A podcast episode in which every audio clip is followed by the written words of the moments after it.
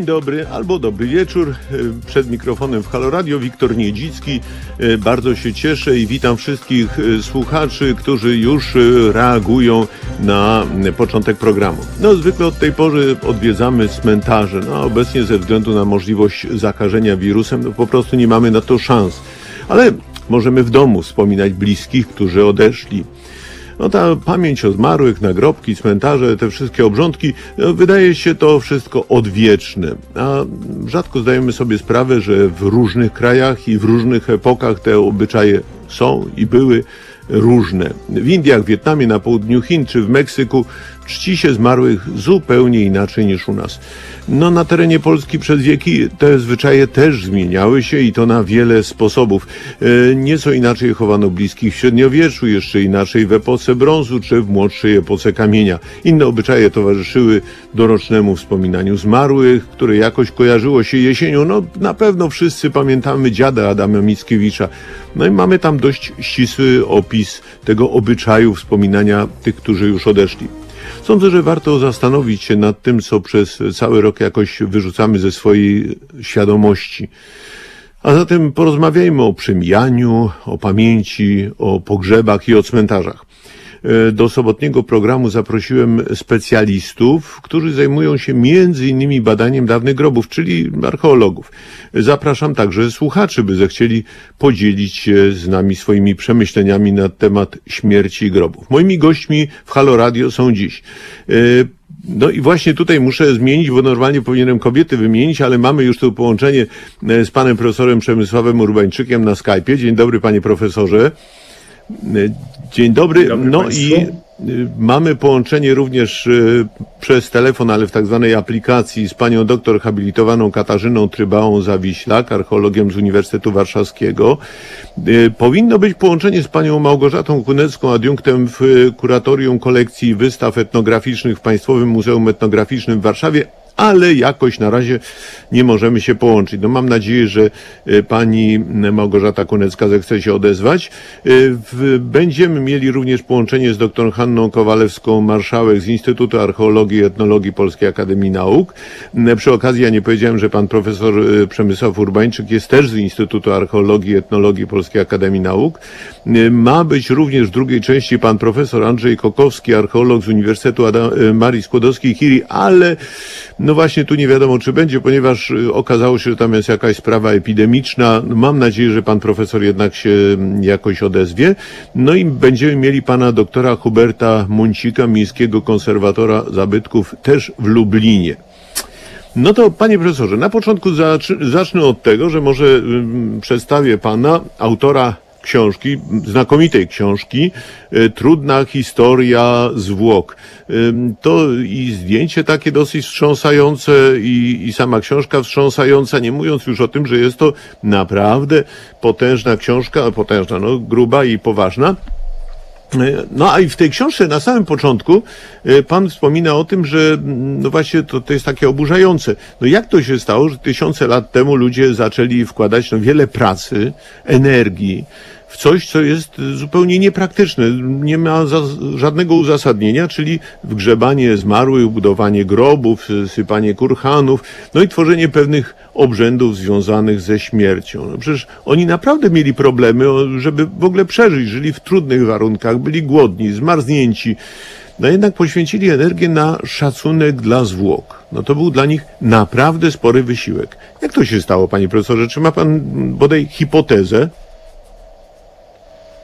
To jest jedna z zagadek naszej e, odległej przeszłości, trudna do wytłumaczenia, no bo tu mo możemy mieć y, dwa Y, podejścia do tego. Jedno, że to ukształtowało się, wyłoniło się jakoś tak w długim procesie ewolucji kulturowej, ten opiekuńczy stosunek do zmarłych, no, który musiał się wiązać też y, z niezwykłym rozwojem mózgu, zdolności do abstrakcyjnego myślenia i naprawdę E, skomplikowanej dosyć wizji tego świata namacalnego i tego świata, który gdzieś tam też jest niewidoczny, ale równie realny.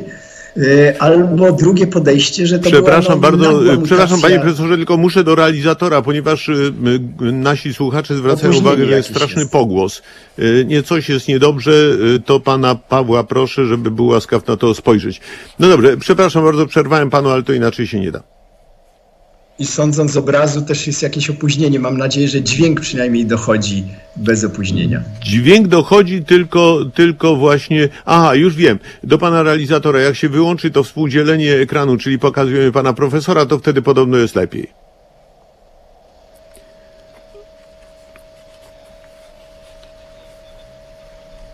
No dobrze, ale no trudno, musimy jakoś to zrobić, żeby, żeby słychać było dobrze. W końcu jest to ra- radio, jakby nie było. E, Tydzień temu mieliśmy podobną sytuację, że jak się dzieliło ekran, to właśnie są takie, takie echa, takie jakieś pogłosy. E, Może się uda panu to zrobić, w takim razie może zostawimy tylko na ekranie pana profesora i o, no aha, teraz to zniknął pan profesor, to też niedobrze. E, No to może się uda tylko pana profesora. Y, Aha, pan mówi, że nie ma wpływu. No dobra, no to no, nie wiem. Panie profesorze, y, dobrze w takim razie może, może pan będzie kontynuował, bo no coś musimy sobie z tą techniką jakoś radzić. No tak, y, mówiłem, że przyczyny tego pojawienia się dosyć nagłego z punktu widzenia archeologii, no bo my w archeologii albo coś odkrywamy, znajdujemy, albo nie. Więc dla nas to się pojawia nagle. Y, Odkrywamy, znajdujemy pierwsze groby. One pojawiły się na Bliskim Wschodzie, w każdym razie taki jest obecny stan naszej wiedzy, około 100 tysięcy lat temu. Prawda? Tutaj tam jeden tysiąc w tę stronę czy w, tą, w tę nie robi różnicy. Było to bardzo dawno, yy, na początku dziejów tej ostatniej fazy ewolucji homininów, czyli już to był Homo sapiens sapiens. A więc y, ten nasz bezpośredni przodek, no my też jesteśmy Homo sapiens sapiens, więc to już byli nasi y, przodkowie, aczkolwiek bardzo odlegli. No i tak jak mówiłem, albo to mogło być skutkiem długiego procesu powolnej ewolucji kulturowej, kształtowania się jakichś wyobrażeń eschatologicznych, czyli tego życia po życiu, jak to dzisiaj mówimy, albo skutek no, jakiejś nagłej mutacji genetycznej, która sprawiła, że y, ci ludzie y, nabrali zdolności do przeżywania tego, tej, tej śmierci w sposób y, podobny do, do nas. Nie rozstrzygniemy tego prawdopodobnie. To jest tak jak i z językiem, z mową artykułowaną. Też są dwie koncepcje: albo powolny rozwój, albo y, nagła mutacja. No ale ważne jest to, że y, wtedy już, aż, aż tak dawno, do, do, wydawało się jeszcze niedawno, że to jest cechą już bardzo rozwiniętych społeczeństw. No, tymczasem te 100 tysięcy lat temu pewne społeczności na Bliskim Wschodzie, te stanowiska leżą, archeologiczne leżą w dzisiejszym Izraelu, pojawiły się grupy ludzkie, które zaczęły chować y, zwłoki swoich y, pobratymców. No tak jak pan mówi, z punktu widzenia czysto ekonomicznego, gospodarczego, no to, to właściwie nie miało sensu. Nie miało sensu, bo to niczego im konkretnego nie przynosiło. Ani nie zwiększało ich bezpieczeństwa, e, ani nie zwiększało e, zasobu jakiegoś żywnościowego to było działanie czysto symboliczne, prawda? Czyli chęć zabezpieczenia tych zwłok z jakiegoś powodu. Nie wiemy, czy oni robili to z miłości, a może ze strachu, a może z nienawiści, ale w każdym razie to dowodzi, że yy, wierzyli, wiedzieli, byli przekonani, że śmierć fizyczno-biologiczna nie jest końcem, że poza tą granicą jak wydawałoby się nieprzekraczalną, coś jeszcze jest. Panie profesorze, y, to może w takim razie troszeczkę zmienimy jak gdyby kolejność, czyli teraz poproszę panią, y, panią Małgorzatę Kunecką, czyli adiunkta w Muzeum Etnograficznym, żeby opowiedziała, bo nam się wydaje, że to wszystko takie było zawsze takie oczywiste, to może w takim razie sięgnijmy do tego, czy, czy wszędzie w Polsce obchodzi się tak samo i jakie są te y, takie może niezwykłe dla mieszkańców Warszawy czy Krakowa obyczaje y, związane z pogrzebem y, i za chwilę wracamy do pana profesora, dobrze? E, halo, dzień dobry. Tak, dzień dobry. E, to jest ogólnie tak, że jeśli chodzi o Polskę, to nie jest, to nie mamy aż takich różnic regionalnych, bo w ogóle na całej Słowiańszczyźnie one nie są tak ogromne. Raczej te różnice, bym powiedziała, pojawiają się w czasie. To znaczy to y, mm, podejście do śmierci i do pogrzebu, które my mamy teraz, jest e, zupełnie, zupełnie inne niż to, które mieli nasi nie tak dalecy wcale przodkowie jeszcze kilkadziesiąt lat temu, ponieważ my e, w zasadzie w tej chwili oddaliśmy mm, dużą część tego, co, co przy ciele zmarłego, czy przy samym pogrzebie kiedyś robiono w domach w ręce, powiedzmy, fachowców z zakładów pogrzebowych. No tak, tak. Y, I w zasadzie w ogóle mało kto już umiera w domu. Kiedyś to było y, jakby, no jeśli nawet... No czyli ta śmierć, ta śmierć była bardzo bliska. Śmierć była bliska i oswojona, to nie znaczy, że się jej oczywiście nie bano, bo, bo ludzie zawsze śmierci się bali jako czegoś y, tajemniczego, przejścia do tego świata, którego nikt nie zna. Natomiast e, rzeczywiście stykali się z nią od wczesnego dzieciństwa tak naprawdę, ponieważ i y, w pogrzebach, i w pożegnaniach y, członków społeczności uczestniczyła właśnie cała społeczność, zwłaszcza na wsi prawda? I, I, dzieci też od wczesnego dzieciństwa tak naprawdę na przykład widziały, jak wygląda zmarły. Były otwarte trumny, modlono się przy otwartych trumnach. To też już coraz rzadziej się zdarza, a jeśli otwiera się trumnę, prawda, przed pogrzebem, to też nie, rzadko kiedy na przykład dziecko uczestniczy w takim pożegnaniu. No tak, a E, kiedyś po prostu takie czuwanie przy, przy zmarłym przez całą noc to było no wręcz oczywistością. Cała rodzina musiała y, spędzić tę noc jak gdyby żegnając swojego bliskiego. Tak, tutaj mówiliśmy o tych regionalizmach, to no takim e, właśnie regionalizmem, m, który jeszcze jest, jest to żywa tradycja, chociaż też się zmienia, jest e, pusta noc, e, która przede wszystkim na Kaszubach jest e, kultywowana e, i to jest właśnie ta ostatnia noc przed pogrzebem, kiedy to właśnie cała wieś, cała społeczność lokalna żegnała zmarłego. Przynajmniej z każdego domu, przynajmniej jedna osoba musiała w tym wziąć udział. I, I ta obecność była ważna. Na przykład, jeżeli zmarły nie zdążył się pogodzić z kimś, z kim miał jakiś konflikt za życia, to jego obecność podczas tej pustej nocy była jakby równoznaczna z, z takim pogodzeniem Próbą się, pogodzenia się, no tak, tak. mu winy, czyli on mógł odejść spokoju, ta dusza mogła w spokoju odejść. Bardzo, bardzo to było e, istotne. W tej chwili na przykład często ta pusta noc jest, jest odprawiana nie w domu, tylko na przykład w jakiejś kaplicy, przy cmentarzu, przy, przy jakimś zakładzie pogrzebowym, bo po prostu no, mamy inne standardy, tak, Ym, choćby tego, że mm, pogrzeb często jest później, po śmierci, kiedyś jednak te trzy dni były takie, takie yy, przestrzegano tego, że, że trzy dni po, po śmierci pogrzeb się już odbywał. Teraz bywa to różnie. Mm, No i właśnie ciało przez ten czas było w domu, e, a, a to, co działo się w domu, jak ten, jak, jak ten dom w tym czasie funkcjonował, też było bardzo istotne, bo, bo nie, nie funkcjonował w czasie, kiedy ciało zmarłego było w domu normalnie. No tak, na przykład należało zakryć lustra, to pamiętam, że był Dokładnie. taki obyczaj, tak. Nie, nie Lustra. wolno było tak, żeby, żeby się właśnie tak, też. Tak, tak. E, Wygaszało się piece, właśnie piec mia- Mhm. musiał być wygaszony, nie, nie mogło być ognia. Mhm, dokładnie. No tutaj jakby y, chodziło z jednej strony o spokój, bo to y, spokój zmarłego, tak, żeby ta y, nie zakłócało nic odejścia duszy, ale z drugiej strony bano się, że właśnie ta dusza nie będzie chciała odejść.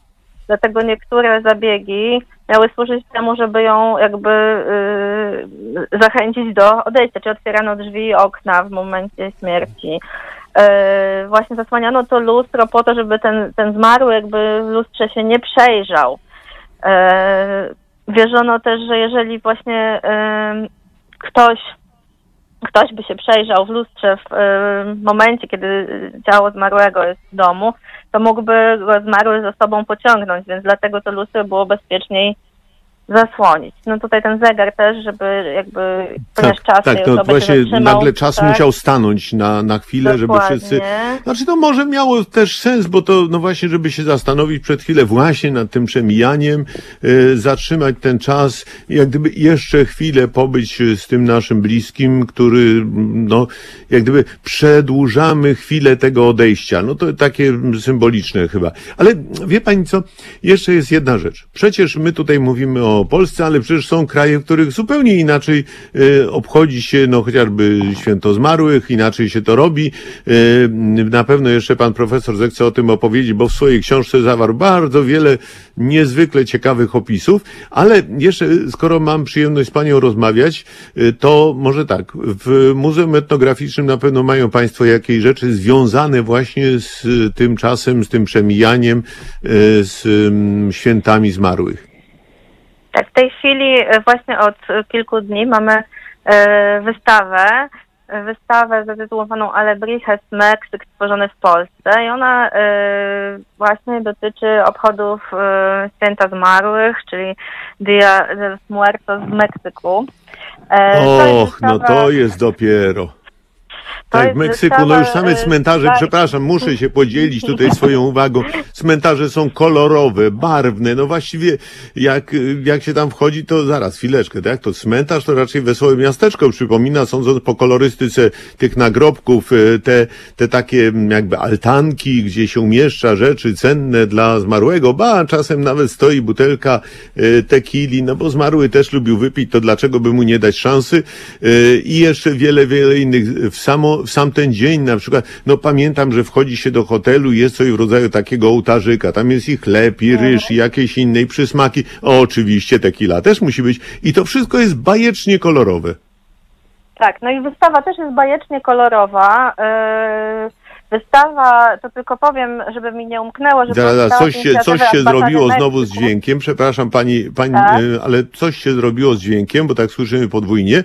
No może jeszcze pani spróbuje, zaraz Tak, zobaczymy. słychać- jak teraz? O, teraz jest dobrze, a teraz jest dobrze, Dobrze, teraz jest dobrze. dobrze.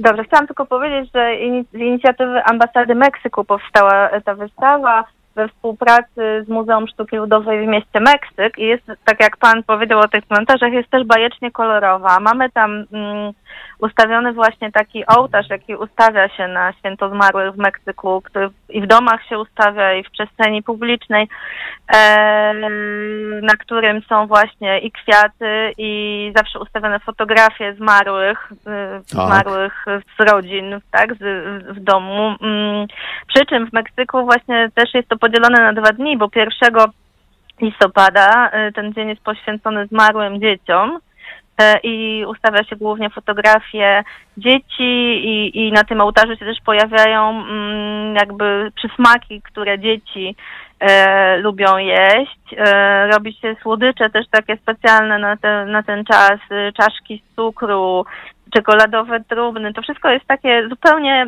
powiedziałabym, inne niż u nas, z takim podejściem e, właśnie bardziej e, trochę humorystycznym, trochę wesołym, jakby ten, ten świat właśnie zmarłych jest taki bajecznie kolorowy i zupełnie inny. No a 2 listopada to jest właśnie ten dzień poświęcony już dorosłym zmarłym i tam się właśnie już pojawia e, i alkohol i właśnie zdjęcia tych zmarłych. Na tym ołtarzu się też kładzie często przedmioty, które zmarły lubił szczególnie, jakieś e, pamiątki.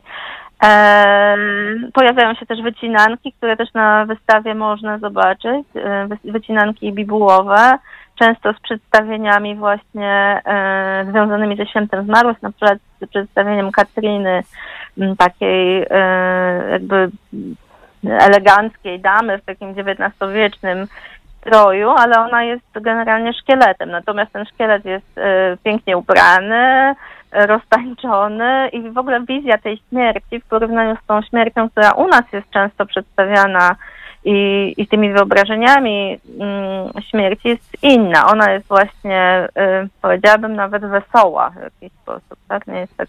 No, z drugiej tak strony oni mnie przekonywali, jak rozmawiałem z Meksykanami, to oni mówią tak, ale y, wiesz, on już, ten zmarły, nie ma już naszych problemów, on już nie cierpi, nie cierpi bólu, on się nie musi niczego bać, y, on już jest szczęśliwy, to my musimy się cieszyć, że on już jest szczęśliwy. No, jest to jakiś pomysł. Y, Druga rzecz, która mnie jakoś tak uderzyła, że kościoły są przebrane w kolorowe, takie mm, kwietne, jakby bramy, y, oczywiście też symbolami, czaszki, kości i tak dalej, ale, ale to jest wszystko barwne, kolorowe. Są również takie posta- pochody takich postaci, no właśnie takich przebranych w y, suknie na ogół kobiece, y, który, i te postacie tak jakby tworzą pewnego rodzaju pochód, tak jakby one o, okrążały kościół, czy wychodziły poza, poza te y, ramy kościoła. No jest to też y, troszeczkę inne, czy nawet zupełnie inne od tego, co No jest y, u tak. nas. No dobrze, proszę pani, to w takim razie zaprasza pani na tę wystawę? Zapraszam, y, przede wszystkim można właśnie obejrzeć tytułowe Alebrijes, czyli takie rzeźby zoomorficzne zwierząt, które są wykonane z papieru, są bajecznie kolorowe. Także zapraszamy do 14 lutego, aż ona stoi, także... e, Ale także- zaraz, ale fizycznie, fizycznie, to znaczy można przyjść do Fizycznie muzeum? Można przyjść do muzeum, tak. Aha, Można no przyjść. dobrze, no, mam nadzieję, że. Mam nadzieję, że nikt nie, nie złapie. Aha, poza poniedziałkiem, to dobrze, dobrze, że pani powiedziała. E, Mam nadzieję, że tutaj wirus nam nie grozi, więc muzeum, no ale takiego tłumu na ogół w muzeum to państwo nie mają, więc na szczęście e, jest, jest szansa. Bardzo serdecznie pani dziękuję za ciekawą opowieść i za, za zaproponowanie nam wizyty w muzeum. E, Zanim jeszcze wrócę do pana profesora Urbańczyka, to jeszcze kilka rzeczy, które państwo piszą. No po pierwsze, niektórzy wspominają tutaj, a może by tak się dowiedzieć, jak, jak wyglądały te pochówki, czy te cmentarze w czasach neandertalczyków. No może neandertalczyków nie, ale w, w epoce młodszego kamienia, to za chwileczkę będziemy mieli e, panią, która o tym opowie. E, e, Również, również będziemy mówili o lokalizacji tych miejsc pochówków, to też będzie mowa. Ja się odnoszę właśnie do tego, co państwo tutaj piszą. No i że na wschodzie jest zwyczaj picia wódki ze zmarłym bądź grania ostatniej partii w karty. No, tego to nie słyszałem, ale to jest bardzo ciekawe. Mm, tak. E, Tak, e, i jeszcze tutaj, że jakaś kolorowa wizja śmierci zmarłego, jakaś bajka sprzed kilku lat. Mm, A więc e, to są, to są takie rzeczy, które są zupełnie różne od em, tego, z czym myśmy się zetknęli.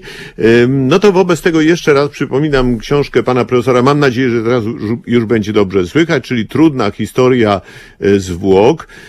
No właściwie ten zwłok, no zwłok też, ale przecież to jest w ogóle książka o śmierci, ale o zwłokach i o postępowaniu z tymi zwłokami tym bardziej.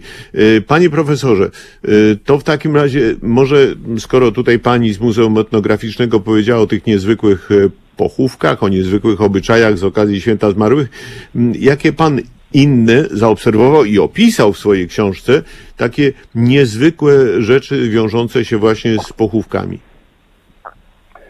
E, z pochówkami czy z, ze wspominaniem zmarłych, no bo to... No jedno i e, drugie, no jedno i drugie, bo to zwykle jedno Tak, drugiemu ale towarzyszy. jedno i drugie to jest no, opowieść bez końca, dlatego że Wiem. tyle pomysłów na traktowanie zmarłych i na ich wspominanie, ile można znaleźć przy różnych kulturach, no to te, tego naprawdę w jednej książce nie sposób, nie sposób y, pomieścić.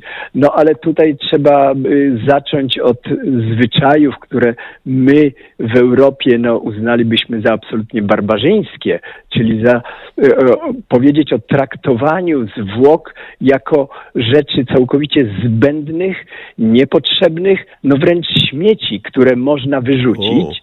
Tak jak wśród y, północnoamerykańskich Indian e, Haida, to jest już na wybrzeżu Pacyfiku, którzy którzy zmarłych po prostu wyrzucali do takich wielkich, otwartych dołów poza y, wsią. Y, I, i- natychmiast o nich y, zapominali, i to jest potwierdzone archeologicznie, dlatego że archeolodzy odkopali właśnie takie doły wypełnione no, luźno leżącymi kośćmi. Ale co tu dużo szukać, jeżeli y, o wiele bliżej Masajowie do niedawna po prostu wyrzucali zmarłych do buszu. Teraz tego nie mogą robić, bo zwierząt drapieżnych już jest za mało, ale w tych y, nie tak odległych jeszcze czasach no, dowodem na to, że zmarły był dobrym człowiekiem, było to, że bardzo szybko został zjedzony przez te y, drapieżniki. Prawda? I tam A, nie ma taki żadnego smaczny, dobry, tak. tak, tak, absolutnie. I nawet y, smarowano go tłuszczem, y, krwią polewano, żeby właśnie zwabić te drapieżniki. Ja tam. y, A, czyli poprawiono jego, byłem- jego jakość, prawda?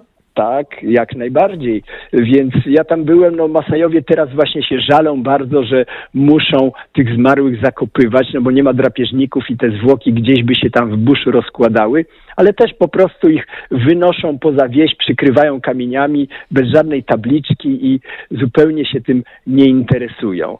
No, w, Ale panie profesorze, Tarsowie- przepraszam bardzo, że wejdę panu w słowo. Tak. W swojej książce również pan opisuje te tak zwane wieże milczenia w Iranie, w innych krajach tak, y, tak. azjatyckich. Tak, właśnie chciałem o tym też y, powiedzieć. Y, kultury, które nie tyle porzucają, bo tu nie ma wyrzucania, tylko wystawianie zwłok na działanie sił przyrody, a właściwie głównie drapieżników, ptaków drapieżnych. Sępów i to mamy tych parsów, o których Pan wspomniał, którzy wynoszą zwłoki, y, układają je na tak zwanych wieżach milczenia i kiedy one już są y, ty, oczyszczone aż do kości, wtedy zrzucają te kości do takiego dołu, gdzie one ulegają rozkładowi. No ale mamy przecież też y, Tybetańczyków, te słynne pochówki y, podniebne, jak to się nazywa. Y, przeprowadzane w specjalnych miejscach, do których do, do niedawna jeszcze zwykły śmiertelnik nie mógł wejść, gdzie specjalnie przeznaczeni do tego ludzie wynoszą te zwłoki i nie, nie tylko, że wynoszą, ale jeszcze je ćwiartują, żeby ułatwić tym sępom y, właśnie jak najszybsze ich oczyszczenie, a później, y, kiedy zostają kości, rozbijają starannie te kości, rozrzucają, żeby absolutnie nic nie pozostało. Czyli chodzi właśnie o zniszczenie całej tej materialnej skorupy, która mogła przytrzymać tego ducha zmarłego, żeby on się uwolnił, no albo do jakiegoś y, y, raju, to od, wszy- wszystko zależy od y, kultury danej, albo na przykład, żeby on się uwolnił, żeby mógł reinkarnować, czyli odtworzyć się w zupełnie innej postaci, przyjąć inną cielesność. I mamy no, ale panie, mnóstwo panie ale naprawdę wie pan co, takich dziwnych teraz mi się też skojarzyło a propos tego właśnie, żeby ta dusza mogła wyjść, to z kolei widziałem cmentarz muzułmański, ale w e, Kyrgyzstanie, gdzie nie ma tych nagrobków takich, takich no płyt jakichś kamiennych, e, tylko takie rodzaj takich ażurowych klatek, bo oni twierdzą, że wtedy właśnie ta dusza tak łatwiej do tego nieba może zdążyć. No to może to wszystko właśnie służy o to, do tego, żeby ta dusza jakoś została uwolniona, gdzieś tam trafiła. Przy okazji pytanie, przepraszam bardzo, ale to od y, słuchacza, gdzie jest ta wystawa, o której mówiliśmy, wystawa o święcie zmarłych w Meksyku? To jest y, Państwowe Muzeum Etnograficzne w Warszawie Tak, przy ulicy Kredytowej Kredytowej. Tak jest. Y, Bardzo serdecznie Pani dziękuję y, i w takim razie, Pani Profesorze, znowu wracamy. Tutaj znów mamy pytanie od słuchacza o te wierzenia Masajów. Czy były to wierzenia y, związane z dualizmem? No, to tak, ta, ta, ta podwójność istoty człowieka, czyli ta duchowa i materialna. I tu też y, my mamy skłonność do y, kategoryzowania tych religii, tych kultur na dużych obszarach, ale tam właściwie w tych y, tradycyjnych społeczeństwach, które były w pewien sposób od siebie izolowane, właściwie każda wieś, każda grupa miała trochę inne te obyczaje. I sposób grzebania zmarłych jest jednym z bardzo ważnych y, sposobów wzmacniania więzi wewnątrzgrupowych, a równocześnie odróżniania się od tych innych. Więc to dzisiaj my już tego nie rozumiemy, bo mamy globalizację, to nie jest aż tak istotne, ale kiedyś sposób traktowania zwłok był y, bardzo istotny. Przy czym jeszcze przy tych, y, mówiłem i, i o Masajach, i o Indianach Hajda, którzy wyrzucają zwłoki, ale nie wszystkie. Ci Indianie Hajda na przykład swoich wodzów jednak pak ćwiartowali, pakowali w takie pudełka i y, wystawiali je na tych słupach y, totemicznych. Natomiast Masajowie swoich wodzów jednak grzebali, a wojowników, kiedy jeszcze te wojny trwały, zostawiali na polu walki, tylko że tych, którzy dzielnie zginęli y, w pełnym rynsztunku, natomiast tchórzy rozbierali do naga i też tam y, y, pozostawiali. Więc to jest ogromna naprawdę ilość różnych podejść do zwłok, które są fascynujące, a które archeologom spędzają sen z powiek, bo my odkopujemy często jakieś dziwne pochówki, jakieś y, częściowe y, fragmenty szkieletów i później musimy główkować, dlaczego akurat ten zmarły został tak potraktowany. No i korzystamy tu właśnie z takich analogii etnograficznych. E, Panie profesorze, bardzo dziękuję. E, Ja teraz poproszę pana realizatora, pana Pawła, żeby był łaskaw połączyć nas z panią doktor Hanną Kowalewską-Marszałek, czyli z pana koleżanką, e, która Tak z kolei opowie, opowie o tym, jak to w ogóle się, no, może nie zaczęło, ale w każdym razie jak to było jeszcze w epoce kamienia. Więc, ale wracam jeszcze do, do rozmowy z panem. Panie profesorze, opisuje pan również inne ludy o bardzo ciekawych sposobach e, pochówku, natomiast ja bym zwrócił uwagę na przykład na ciekawą historyjkę, którą zauważyłem, historyjkę, historię poważną, e, że na przykład Shaolin, czyli tamten klasztor słynny Shaolin, to tam są owszem stupy, jest las stóp, ale mm, on dotyczy tylko tych największych właśnie mężów. Mamy tych największych, em, powiedzmy tych, którzy kierowali tym klasztorem w Shaolin, tym tych, którzy byli no, wzorcem dla innych. Natomiast tych pozostałych w ogóle nie ma. Tych, y, tych zakonników czy mnichów po prostu nie ma. Y, Czyli też to wyróżnienie, że po śmierci jest inaczej, y, każdy traktowany w zależności od swoich zasług. No to znaczy, że to jest pewnie Ale- y, bardziej takie powszechne. Tak, no oczywiście to w każdej kulturze. Ludzie, którzy mają jakiś wysoki status za życia, yy, chcieliby, żeby ten status został przeniesiony też na okre- czas po ich śmierci, co między innymi przekłada się na sposób yy, chowania odmienny od tych zwykłych yy, pozostałych yy, współobywateli. No więc nawet w chrześcijaństwie, które teoretycznie y, zabraniało wkładania do grobu czegokolwiek, bo przecież w raju niczego nam nie będzie brakowało, ale biskupi, ale opaci, ale królowie i inni ważni ludzie chowani byli z całym tym swoim rysztunkiem i anturażem. A w kulturach, czy no jak y, w hinduizmie, y, pan chyba był w Nepalu, w Katmandu, Tak. prawda, świątynia Pashupatinach, gdzie y, obserwowaliśmy y, obmywanie Spalenie tych zwłok na gatach, no tak jak tak, I palenie, oczywiście. tak. Tak, ale y, pewnie widział pan też tych świętych mężów y, sadu, Tak. y, prawda, y, z długimi dredami, brodami, nagich prawie. Ich nie pali się. Ich się nie pali, bo oni są święci. Ich nie trzeba palić, ich nie trzeba oczyszczać. Ich się grzebie normalnie, tak jak i małe dzieci. Więc tutaj tutaj nawet te kultury nie można zapominać, że y, nie można wszystkiego pod jeden y, podkładać. Strykulec, taki, bo taki jeden wzorzec. strykulec nomen omen. Tak, tak, tak. ale panie zawsze, tak. zawsze są ludzie lepsi, zawsze są te zwierzęta bardziej równe. No my również wiemy, że istnieją, czy budowano mauzolea, no prawda, w, w Samarkandzie jest y, mauzoleum Timura Kulawego, prawda, tego strasznego władcy, y, przepiękne zresztą, y, chociaż on chciał być Tak, pochowany który w innym leży miejscu, pod ale... ziemią, a na, tak, a na wierzchu tylko, tylko sarkofag, bo on... I to no, taki bardzo on skromny tak kawałek naprawdę- czarnego kamienia, tak. Tak, tak, tak jest.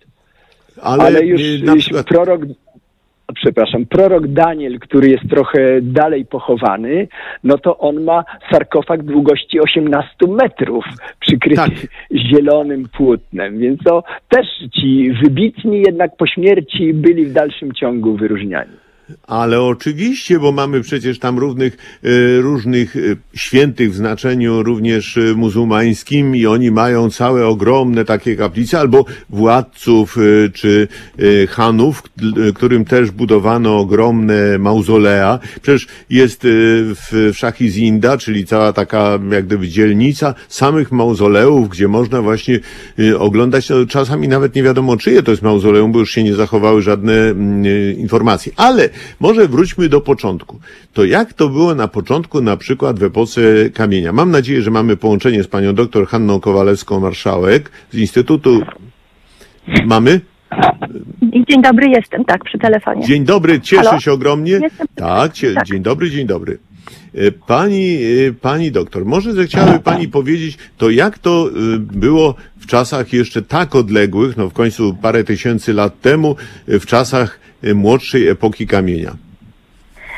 Y, Przede wszystkim wydaje mi się, że było równie różnorodnie, jak jest obecnie, O, a jeżeli nie równie, to w bardzo dużym stopniu różnorodnie, dlatego że y, y, to, co wiemy na temat pochówków, czy w epoce kamienia starsz, starszej, czy środkowej, czy młodszej, pozwala nam y, przypusz, przypuszczać, że ta różnorodność jednak y, panowała, dlatego że niesłychanie trudno jest y, ustalić jakieś reguły, które byłyby po, po, powszechne. I chociaż, chociaż są pochówki, które są uważamy za typowe dla danego okresu, dla danej kultury, dla danego regionu, to jednak nie jest to taka uniformizacja absolutna. Y, I to, co właśnie kolega, y, mój przedmówca Przemek Urbańczyk powiedział o tej różnorodności, o tym, że są ludzie y, traktowani w taki bądź inny sposób, to również była, była sytuacja podobna w epoce kamienia. Do dzisiaj no nie dobra, ale wiemy. przepraszam bardzo, to może pani od Tak. razu powie, jak chowano zmarłych w epoce kamienia? Czy to są te najstarsze znane sposoby dbania o ciała zmarłych? No i na ile te ich pochówki różniły się od naszych c- cmentarzy? No, nasze cmentarze, sz- szczególnie w czasach średniowiecza, były zlokalizowane w okolicach kościołów, a jak lokalizowano to właśnie w czasach, no tak odległych od nas? Y, W starszej epoce kamienia mamy do, do czynienia z pochówkami jednostkowymi na ogół. Nie ma wtedy cmentarzysk, a raczej O. są pojedyncze, y, pojedyncze pochówki, pojedyncze bądź grupowe, ale w każdym razie w jednym określonym miejscu. Y, To znaczy, to znaczy my znamy takie określone miejsca. Nie znamy wielkich cmentarzysk, natomiast znamy właśnie pochówki z jaskiń, takich jak jaskinie francuskie, y, La Chapelle de Saint czy, czy, y, czy inne. Y, Tak samo w Polsce. To są pojedyncze, pojedyncze znaleziska. Nie wiemy, czy dlatego, że one były rzeczywiście tak rzadkie, czy że tylko niektórzy ludzie byli w ten sposób chronieni, to znaczy szczątki niektórych ludzi byli, były w ten sposób chronione. W młodszej epoce kamienia, w neolicie, troszeczkę się to zmienia, dlatego że mm, na początku zmarli byli chowani w obrębie obejść gospodarstw domowych.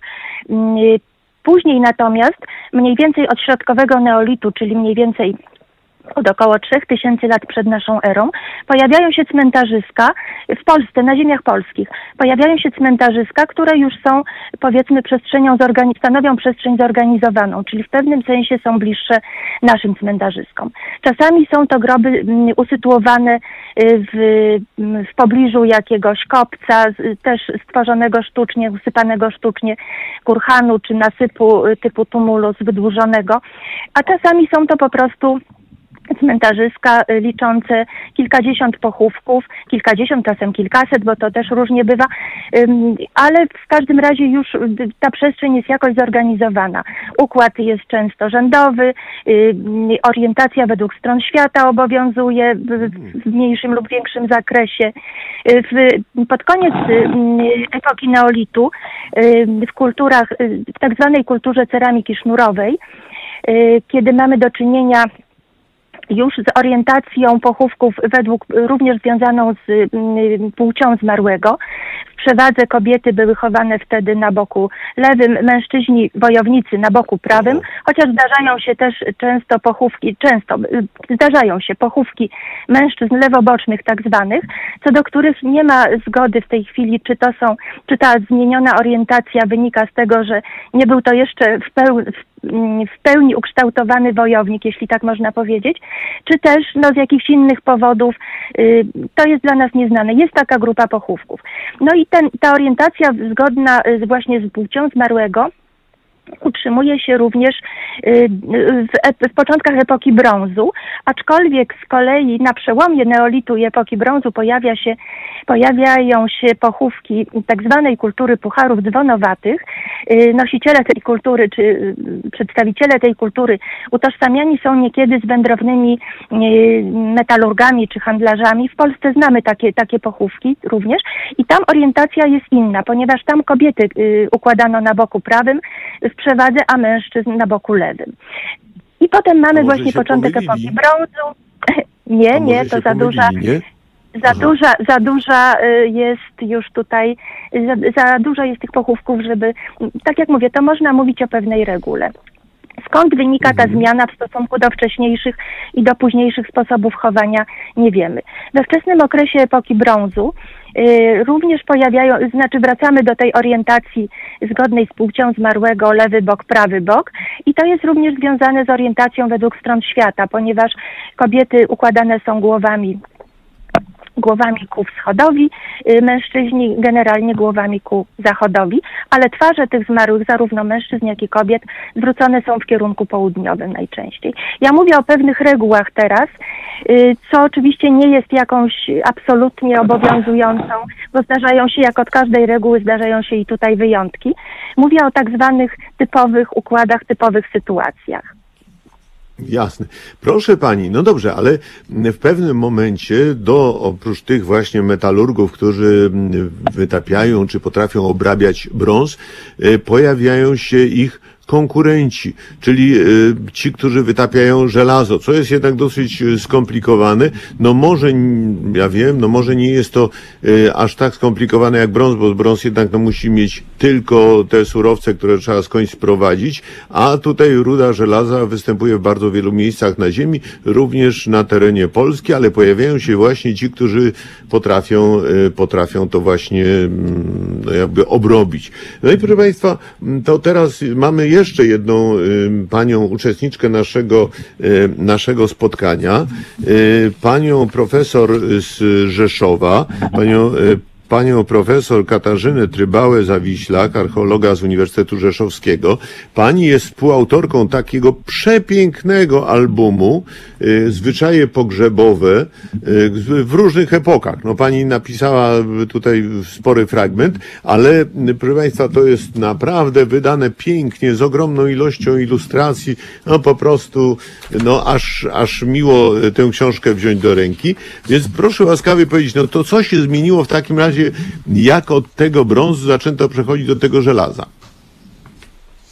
No, to jest bardzo, y, bardzo takie y, obszerne, obszerne zagadnienie i dotykamy tutaj y, problemu bardzo złożonego. Ja pozwolę sobie jeszcze na moment wrócić do tej kwestii pojawienia się brązu, bo to jest też bardzo ciekawe. Tak. To znaczy, to czy to przejście z epoki kamienia do epoki brązu, to czy to spowodowało jakąś zmianę, prawda? Oczywiście no, możemy powiedzieć z jednej strony, że tak, że to była bardzo duża zmiana, no bo przecież nie bez przyczyny mówimy, że kończy się epoka kamienia, a rozpoczyna się epoka brązu. Ale generalnie to pojawienie się brązu można powiedzieć, że nie wpłynęło jakoś na zmianę e, takiego codziennego życia tych społeczności. E, oczywiście pomijając ten aspekt jakościowy, pojawiły się, pojawił się nowy surowiec, nowe narzędzia, przepiękne ozdoby wykonywane z brązu. Ale właściwie to pojawienie się brązu no, nie spowodowało, że nagle pojawiła się jakaś monumentalna architektura grobowa. Natomiast i to w takim, w takim jakby najbardziej podstawowym zakresie.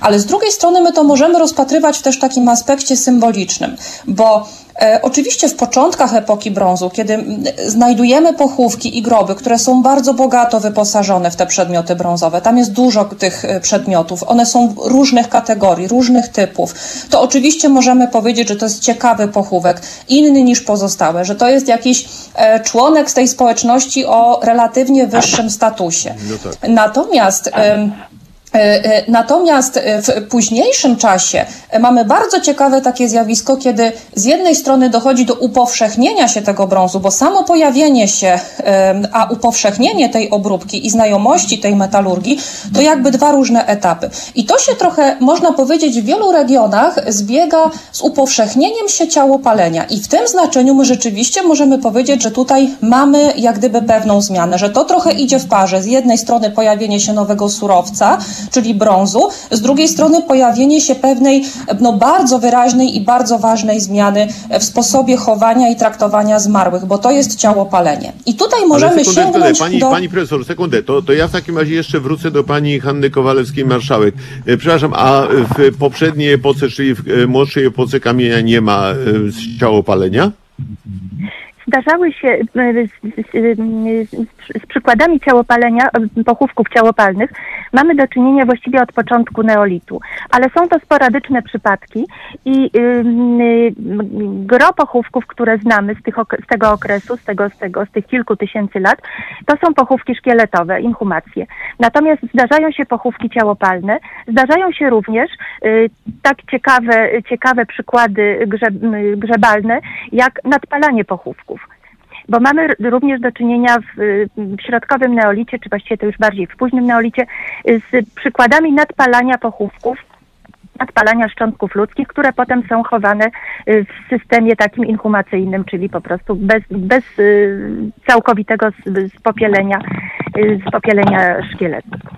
Ale Także zaraz, zaraz, te przepraszam, jakby pani tak? zechciała mi wyjaśnić, to znaczy co, oni Tak. tego, tego zmarłego co, y, od dołu y, spalali, czy od góry spalali?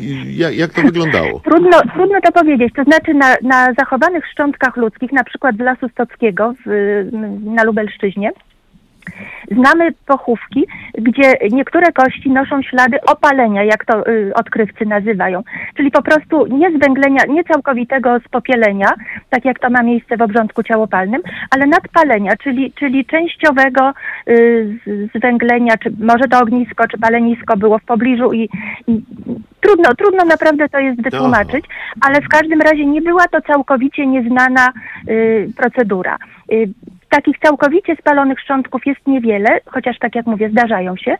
I natomiast, natomiast y, rzeczywiście ten zwyczaj, powsz- powszechność palenia zwłok wkracza w epoce brązu, tak jak mówiła y, pani, pani Zawiślak, y, która, któ, która to epoka jest już nastawiona na metalurgię w bardzo rozwiniętym zakresie. Ale jak to? To znaczy, że ci metalurdzy po prostu tak opanowali już dobrze ogień, że jakoś im lepiej szło to spalanie zwłok? Trudno powiedzieć, że, że to, że, to znaczy na pewno wiąże się to z rolą ognia bardziej niż ze zdobyczami takimi Aha. stricte technicznymi. Y, tak jak się sądzi, y, większe, y, wiąże się to być może, bo o tym oczywiście nie wiemy, to możemy tylko przypuszczać, że jest to związane z wierzeniami ówczesnych ludzi, społeczeństw, że po prostu ogień wtedy jakby zyskuje na znaczeniu poprzez to, że prowadzi również do zdobywania nowych surowców, nowych, nowych produktów technicznych, można powiedzieć, czy nowych technologii. Ale czy rzeczywiście tak było, czy z czego, z czego wynika, y, z czego wynika ta powszechność ciałopalenia, czy, czy po prostu z praktyki, że tak było prościej, wygodniej, łatwiej, nie wiem. Tego, tego, tego nie wiemy. W każdym razie te początki przejawy ciałopalenia znane są Ciałopalenia od, znane są od neolitu. Natomiast, natomiast nie Jest- jest to natomiast nie jest to- Dobrze, pani, e, pani doktor, dziękuję bardzo. W takim razie wracam jeszcze do pani, do pani profesor Zawiślak. E, No właśnie, pojawiło się to żelazo. No i teraz pytanie, czy te mm, nowe, nowe na tamtym czas, e, sposoby chowania z tych zmarłych, czy właśnie palenia zwłok, chowania do urn, e, czy to było związane z tym, że to właśnie ci e, metalurdzy przynieśli to, czy to też jakoś zostało wykształcone tutaj na naszych terenach w Europie? E, To znaczy, wracając jeszcze rzeczywiście do tej symboliki ognia, o której już e, kilka słów zostało Tak. powiedzianych, to faktycznie tak, tak to właśnie, y, y, oczywiście należy się zgodzić z tym, że ta sama kremacja jako taka y, była znana już wcześniej. Natomiast chodziło tutaj o takie upowszechnienie się tej właśnie kremacji, która oczywiście łączy się z symboliką ognia, z działaniem ognia, który najprawdopodobniej miał mieć takie działanie oczyszczające, bardzo takie symboliczne, takiego uwolnienia, prawda, być może może duszy od, e, od ciała, zamiany czegoś, co jest, co jest stałe w coś, co przechodzi w taką formę niestałą i to samo możemy też odnieść właśnie do e, magii ognia w znaczeniu metalurgii, obróbki metalu, bo przecież ogień był do tego potrzebny. I cała ta symbolika opiera się także i na rozbudowanej takiej symbolice solarnej, związanej z kultami słonecznymi, z kultami solarnymi. I w pewnym momencie my to widzimy rzeczywiście, e, na przykład bardzo wyraźnie na ceramice, którą odkrywamy na e, cmentarzyskach z epoki brązu, czy z początków wczesnej epoki żelaza, gdzie czasami nie rejestrujemy tego brązu czy tego metalu w pochówkach w ogóle, ale ceramika ma niesamowicie rozbudowane ornamenty. To są piękne, czernione naczynia z bardzo rozbudowaną ornamentyką geometryczną, a niektóre z nich właśnie z symbolami solarnymi. I jakby w tym znaczeniu e, właśnie upowszechnienie się ciałopalenia, kremacja e, e, i metalurgia, symbolika ognia, symbolika solarna bardzo, bardzo się tutaj przenikają. Natomiast jeśli chodzi o pojawienie się żelaza, to właściwie no, trudno byłoby powiedzieć, że, że to wpłynęło w jakiś znaczący sposób na zmianę zwyczajów pogrzebowych, bo ten surowiec właściwie niezależnie w różnych regionach, w różnych środowiskach był... Coś problemy techniczne są jakieś. Halo? On pojawia się w Azji Mniejszej, pojawia się w Grecji, potem e, pojawia się na Bałkanach, ale pojawia się także w Europie Wschodniej, więc mamy tutaj do czynienia też z różnymi środowiskami, e, z różnymi e, obyczajami, więc samo pojawienie się żelaza właściwie nie miało jakiegoś takiego bezpośredniego przełożenia na to, co my rejestrujemy w obrządku pogrzebowym. Natomiast patrząc ogólnie oczywiście, to epoka, wcze, wczesna epoka żelaza jest takim czasem, w którym bardzo dużo się dzieje, w którym obserwujemy bardzo wiele takich dynamicznych procesów, ale one muszą być już rozpatrywane bardziej regionalnie, w odniesieniu do konkretnych regionów, regionów w odniesieniu do konkretnych obszarów. Czyli nastąpiła jakaś rewolucja. Rewolucja w mm, stosunku do zmarłych, rewolucja w stosunku do pewnych wierzeń, rewolucja w stosunku do obyczaju. No niekoniecznie, dlatego że to Nie? które się pojawiło, y, to, które stało się takie powszechne właśnie w epoce brązu, ono gdzieś w XV-XIV e, wieku przed naszą erą jest e, na tych terenach naddunajskich. Potem w XIII-XII wieku to właściwie już rozprzestrzenia się na całą Europę i później ono nadal trwa. Oczywiście, że tak jak mówiłam, rozpatrując to regionalnie, to w momencie, kiedy pojawiają się przedmioty żelazne, to oczywiście możemy powiedzieć o tym, że mamy różne wówczas kręgi kulturowe Możemy powiedzieć o koczownikach Wielkiego Stepu, o których opowiadaliśmy już, e, już tutaj tak, kiedyś. Dwa tygodnie którzy temu, też, tak. Dwa tygodnie temu, którzy po, posługują się przedmiotami żelaznymi, a mają trochę inny obrządek pogrzebowy niż ten właśnie ciałopalny, bo to są monumentalne kurhany, e, bardzo bogato wyposażone, e, z takim no bardzo rozbudowanym obrządkiem pogrzebowym, z e, niesamowicie, niesamowicie bogato wyposażone.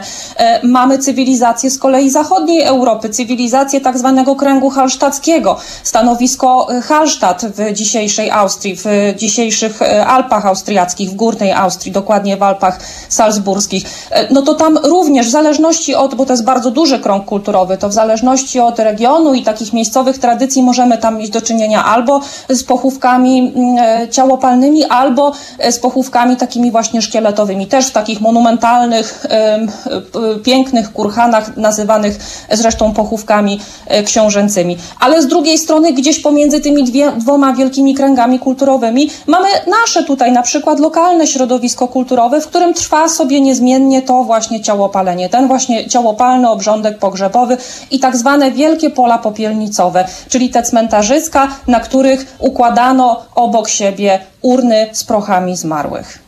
No dobrze, a pani, za sekundę, pani profesor, moment. E, czy wobec tego to, że się przy, tutaj pojawiali Celtowie, Goci, jacyś inni, to nie wpływało na zwyczaje miejscowych? No przecież miejscowi patrzyli na tych, no, bogatych, albo bardziej, lepiej wyposażonych, albo takich, którzy ich podbijali i co, nie próbowali ich naśladować? Trochę wpływało. To możemy powiedzieć choćby w odniesieniu do tych właśnie wpływów płynących y, gdzieś z kultury scytyjskiej, właśnie od tych, y, od tych środowisk koczowniczych strefy, strefy stepowej czy leśno-stepowej Europy, ale nie, jeśli byśmy chcieli rozpatrywać to w takim odniesieniu jak gdyby jeden do jeden, tam są monumentalne kurhany, bogato wyposażone, z, z, ze szkieletami, z pochówkami końmi, to u nas tego typu pochówków nie ma ale mamy y, pewną zmianę na przykład w organizacji przestrzeni na cmentarzyskach, bo y, pojawiają się groby ciałopalne są cały czas, ale one zaczynają się układać w takie skupiska, y, które staramy się rozpatrywać jako takie skupiska rodzinne tych właśnie grobów popielnicowych. I to gdzieś tam ma swoje echa w takich, ale bardzo szeroko rozpatrywanych zmianach charakterystycznych właśnie dla tej wczesnej epoki żelaza. Na Lubelszczyźnie mamy z kolei takie pochówki z, z, ze śladami ciałopalenia in situ, czyli właśnie w, jakby w miejscu tego właśnie pochowania, e, które też są rozpatrywane jako takie echo tego, co się dzieje gdzieś tam na wschodzie. Więc oczywiście widzimy pewne wpływy, choć nie zawsze rozumiane jako e, dosłowne przeniesienie. E, no właśnie, tutaj przy okazji, dziękuję bardzo, tu przy okazji jeden z, nie, to pani akurat, która pisze, e, pani słuchaczka, jakiś, e, mam hipotezę, że metodą prób i błędów zauważono, że po spaleniu zwłok mniej osób zarażało się od zmarłego jakąś chorobą. No może to był jakiś, jakiś powód. No, trudno powiedzieć. Z drugiej strony ta powszechność ciałopalenia powoduje, że e, my to rozpatrujemy w kategoriach czegoś no, jednak bardzo atrakcyjnego, bo to, że to się pojawia na tak szerokich obszarach Europy, to właśnie ciałopalenie i kremacja zwłok, gdzie z jednej strony te, te groby są tak naprawdę bardzo podobne, one są bardzo powtarzalne. E, można powiedzieć, że już spodziewamy się, co, co znajdziemy w którym grobie, jak który grób będzie wyglądał, ale z drugiej strony to nam ta powtarzalność daje nam też lepsze możliwości do tego, żeby rejestrować pewne odmienności, co też z kolei może być bardzo ciekawe. Więc no, gdybyśmy mieli to rozpatrywać w kontekście jakiejś obrony przed y, zarazą czy chorobami, no to chyba to by nie było na aż tak masową skalę. A to jest jednak y, no, upowszechnienie się ciałopalenia to jest bardzo ciekawe zjawisko, też nie do końca y, zrozumiane jeszcze nawet przez archeologów, ale z pewnością za tą ideologią kremacji kryło się coś bardzo atrakcyjnego dla ówczesnych społeczeństw, że na tak masową skalę e, no jednak dokonano zmiany w tej sferze duchowej, e, która chyba jednak e, no, wydaje się trudno, a może nawet najtrudniej poddaje się jakimś zmianom. Bardzo serdecznie Pani dziękuję. Bardzo dziękuję również e, Pani, Pani doktor Hannie Kowalewskiej-Marszałek e, za wyjaśnienia dotyczące zarówno tego, tej młodszej epoki kamienia, epoki brązu, epoki żelaza. Teraz zaproponuję Państwu kilka minut przerwy muzycznej. Przełączymy się i za chwilę wracamy. Przypominam, że będziemy w dalszym ciągu rozmawiali o niezwykłych zwyczajach pogrzebowych i e, o książce pana profesora Przemysława Urbańczyka. E, będziemy także rozmawiali z panem doktorem Hubertem Moncikiem, e, konserwatorem zabytków z Lublina. No, zobaczymy, czy pan profesor Andrzej Kokowski będzie w stanie się z nami połączyć. To będzie zależało od sytuacji wirusowej, nazwijmy to. Czyli teraz proponuję państwu kilka minut przerwy. Wracamy za chwilę do niezwykle pasjonującej rozmowy no właśnie w klimacie y, teraz y, dziś, dzisiejszych, jutrzejszych, pojutrzejszych świąt. Słuchajcie powtórki programu. Halo Radio. Nazywam się Adam Bodnar, pełnię funkcję Rzecznika Praw Obywatelskich.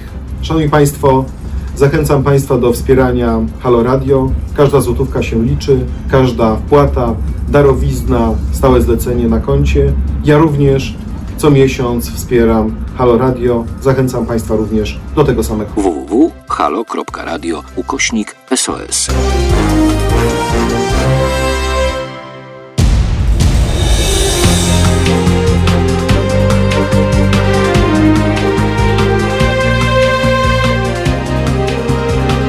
Halo Radio. Dobry wieczór przed mikrofonem w Halo Radio. Wiktor Niedzicki. Proszę Państwa, już od godziny rozmawiamy o, o sprawach przemijania, o cmentarzach, o pochówkach, o różnych obyczajach, które bardzo się różnią od tego, co my uważamy za prastary obyczaj. Jak się okazuje i w epoce, w młodszej epoce kamienia, w epoce brązu, w epoce żelaza było zupełnie inaczej. E, Mam przyjemność rozmawiać ze znakomitymi specjalistami, z panem profesorem Przemysławem Urbańczykiem. Ja celowo pokazuję tutaj książkę, którą pan profesor napisał. Mam nadzieję, że ją dobrze będzie widać. E, Książka, czyli e, Trudna historia zwłok. No trochę ją za wysoko pokazywałem, ale jest. E, Proszę Państwa, e, i mamy przyjemność jeszcze rozmawiać z archeologami, e, z panią profesor Katarzyną Trybałą-Zawiślak, z panią doktor Kowalewską-Marszałek i będzie jeszcze pan doktor Hubert Mącik, konserwator zabytków z Lublina, ale też archeolog. To wracam do pana profesora Urbańczyka.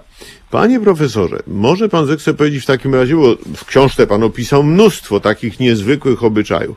E, Co najbardziej panem wstrząsnęło, albo jakiego rodzaju e, obyczaje te pogrzebowe, grzebalne, e, postępowanie ze zwłokami zrobiło na panu największe wrażenie podczas pana licznych podróży? No bo widać, że zdjęcia są z bardzo różnych krajów, nie tylko z wykopalisk. Tak, nie. Ja, już od, od wielu lat y, podróżując po świecie y, odwiedzałem y, cmentarze, odwiedzałem świątynie, odwiedzałem grobowce.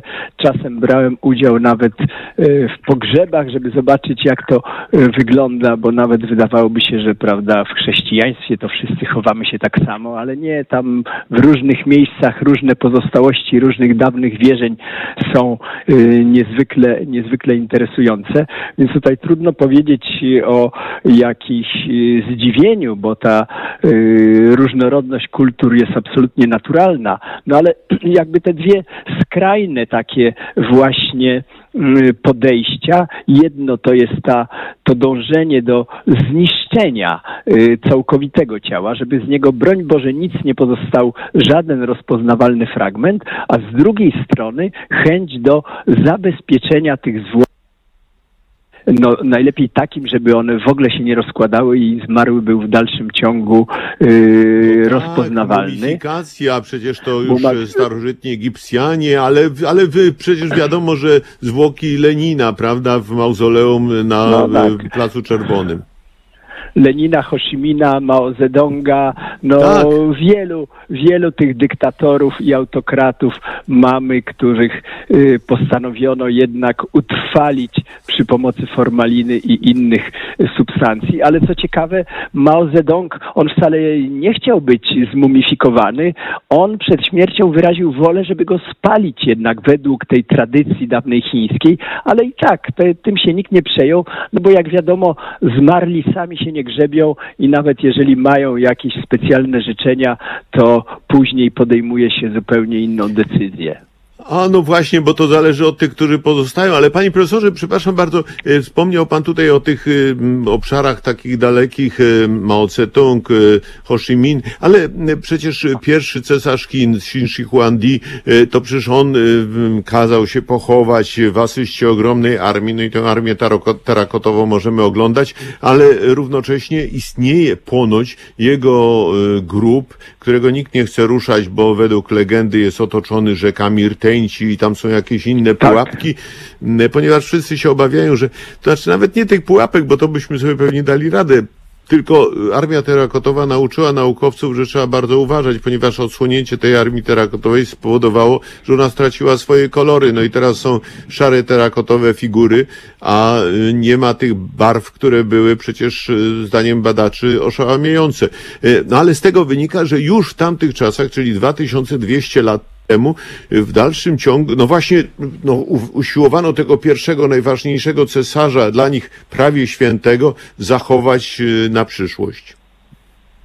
Tak, y, czy i to y, znowu w wielu kulturach to jest i to też jest y, dla nas przedziwne, no ale jeszcze mamy nawet takie kultury, które nie tyle, że utrwalają te zwłoki, ale jeszcze się z nimi nie rozstają, prawda? To mamy znowu w Indonezji, na Sulawesi, gdzie zmarłych kiedyś to jakimiś substancjami ziołowymi, dzisiaj właśnie przy pomocy spirytusu, formaliny, konserwuje się, trzyma się ich w domu, ubiera, no symbolicznie karmi, daje się im papierosy, oni pozostają w dalszym ciągu członkami rodziny. No więc to jest y, dla nas, prawda, y, absolutnie trudne, trudne y, do wyobrażenia. No, ale, panie profesorze, znowu przepraszam, znowu muszę się tak. wtrącić. Panie profesorze, no jak to trudne do wyobrażenia, a ten słynny proces papieża, którego wyciągnięto z grobu, posadzono i go sądzono, tak kazano mu odpowiadać tak. na pytania. Straszny synod, kiedy papieża właśnie dwukrotnie wyciągano z grobu, y, ubierano w szaty pontyfikalne, sadzano na tronie, po czym oskarżano go o rozmaite przestępstwa i y, pozbawiano go godności papieskiej, po czym kiedy znowu zmienił się papież z jego wroga na jego zwolennika, znowu go odkopano, przywra- przywracając mu tę godność papieską. Ale Więc potem go znowu wyrzucono i wyrzucono go do Tybru. Tak, a potem wreszcie, y, wreszcie go całkowicie wyrzucono, żeby zakończyć ten, ten, ten horror. Więc zwłoki, y, chociaż pozornie martwe, miały niezwykły wpływ na wiele y, zdarzeń y, politycznych i gospodarczych i kulturowych, no szczególnie zwłoki oczywiście słynnych ludzi, których albo, które albo hołubiono, albo wręcz przeciwnie je niszczono, ale przecież y, wykradano sobie co ważniejsze ciała, jak Czesi nam ukradli przecież świętego Wojciecha w 1038 roku. No podobno nieprawda, bo podobno zostały te, została ta mumia schowana gdzieś e, przemyślnie i, i przecież mamy te relikwie w Gnieźnie. A nie, nie, to historia jest bardziej skomplikowana. A, To jeszcze, niewątpliwie, niewątpliwie wywieźli świętego Wojciecha i jego grób można zobaczyć w katedrze świętego Wita, yy, tak mniej więcej na środku nawy głównej, otoczony takim metalowym yy, płotkiem i on tam rzeczywiście leży, no ale yy, to pozbawiło Polskę relikwii naszego najważniejszego i pierwszego świętego i nagle się okazało, w XIII wieku, że odnaleziono naszą własną głowę świętego Wojciecha, która właśnie niby została gdzieś tam schowana, y, więc były już dwie głowy, po czym kilkadziesiąt lat później w Akwizgranie uznano, że oni przecież nie gorsi i też odnaleźli czaszkę świętego Wojciecha, który w pewnym momencie miał trzy głowy. No więc, y, ale No niewątpliwie ta, ta czeska, ta czeska to jest ta oryginalna. Nasza zresztą została w przedziwny sposób zniknęła ze skarbca archikatedry gnieźnieńskiej w latach dwudziestych. Yy, Zamki nienaruszone, yy, relikwiarz z głową świętego Wojciecha zniknął i nigdy się nie odnalazł.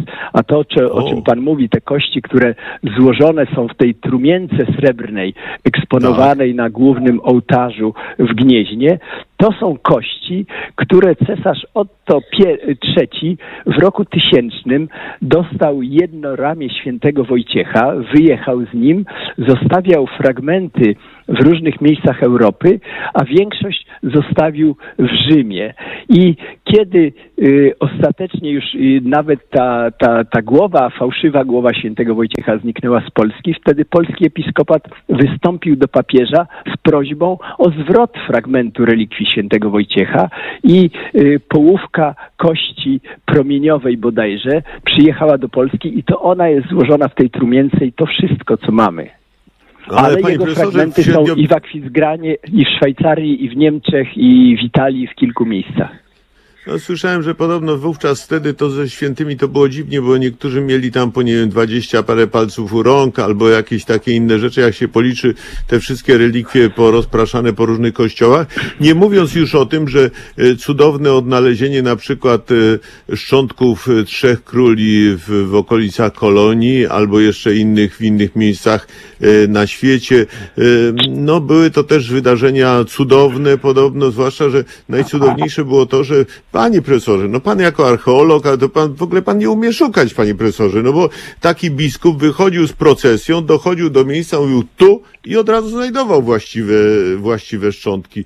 No, no to było dużo lepsze niż pana wiedza, no panie profesorze.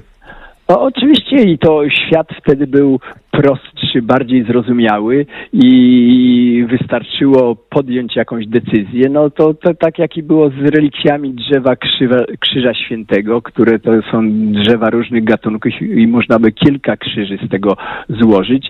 No więc ci święci, ci nieszczęśni święci, których po śmierci nie dawano im spokoju, prawda? Mówi się, niech ci ziemia lekką będzie i spoczywaj w spokoju. No święci nie spoczywali w spokoju. O ile zwykli śmiertelnicy y, mieli zagwarantowaną Mieli nietykalność swoich ciał, to ludzie wybitni właśnie, no niestety, y, gdyby mieli świadomość tego, co się dzieje, to patrzyliby z przerażeniem, jak ich zwłoki są wykopywane, przenoszone, dzielone, rozsyłane po różnych miejscach, wykradane y, albo po prostu niszczone z zemsty. No bo czasem jak nie można się zemścić na żywym człowieku, to dobrze jest zemścić się na kimś martwym, na przykład na jego przodku. Ale panie profesorze, tutaj jak my mówimy tak o, o tych różnych zwyczajach, e, również tych średniowiecznych, to ktoś nawet się oburzył, że strasznie agresywny język. Nie wiem, e, który z nas się posługuje językiem agresywnym, mówimy o faktach, ale proszę powiedzieć, dobrze, e, zaczął pan o tym właśnie o, o tym spokoju zmarłych. E, proszę powiedzieć, e, panie profesorze, no jak to, chrześcijaństwo, które no, Eu- w Europie zapanowało, ustaliło pewien porządek, wobec tego, tak jak wspomnieliśmy na samym początku, no te cmentarze były lokalizowane wokół kościołów, yy, ale to tak było niezmienne przez całe stulecia, czy to się jednak zmieniały te obyczaje dotyczące organizacji cmentarzy, pochówków, tego w jaki sposób się postępuje ze zmarłymi? No, wszystko się zmienia, nie ma kultury ani tradycji, która pozostaje niezmienna. Początkowo chrześcijaństwo y, na terenie Cesarstwa Rzymskiego, no oczywiście chrześcijanie musieli się poddać prawodawstwu rzymskiemu, które zabraniało y, chowania zmarłych w sąsiedztwie żywych, więc y, cmentarze były lokowane poza miastami, najczęściej przy drogach wylotowych, tak jak prawda rzymskie katakumby i, i położone przy, przy Via Appia Antica, y, ale później chrześcijaństwo, które y, przestało bać się zmarłych, prawda, bo, bo y, zmarli mieli zmar- zmartwychwstać, to byli ci nasi przodkowie, z którymi wszyscy mieliśmy się spotkać na sądzie ostatecznym, w związku z czym nie było już powodu się ich bać, zaczęto ich chować na ziemi poświęconej, koło kościołów, a więc w środku miast. Tyle, że po kilku stuleciach, no to się stało absolutnie niemożliwe do kontynuowania, bo to były tysiące, czy jak w przypadku najbardziej znanych cmentarzy paryskich, cmentarz Niewiniątek, gdzie było już pochowanych prawie milion osób, jeden grób wkopywano w drugi, to był no, no fetor yy, niezwykły, zatrute wody podziemne i w pewnym momencie postanowiono z tym skończyć wyniesiono, wyprowadzono cmentarze y, poza miasta. I tu ciekawe, że nasze powązki warszawskie, z tego co mnie się wydaje, to był pierwszy cmentarz w Europie, który właśnie został wypo, wyprowadzony poza, poza miasto. Jeszcze zanim Montparnasse, y, Père Lachaise y, i Montmartre, to te najbardziej znane, ale nasze powązki były, były wcześniejsze. No dzisiaj znowu są w centrum Warszawy, ale kiedyś były na, poza, poza wałami otaczającymi miasto.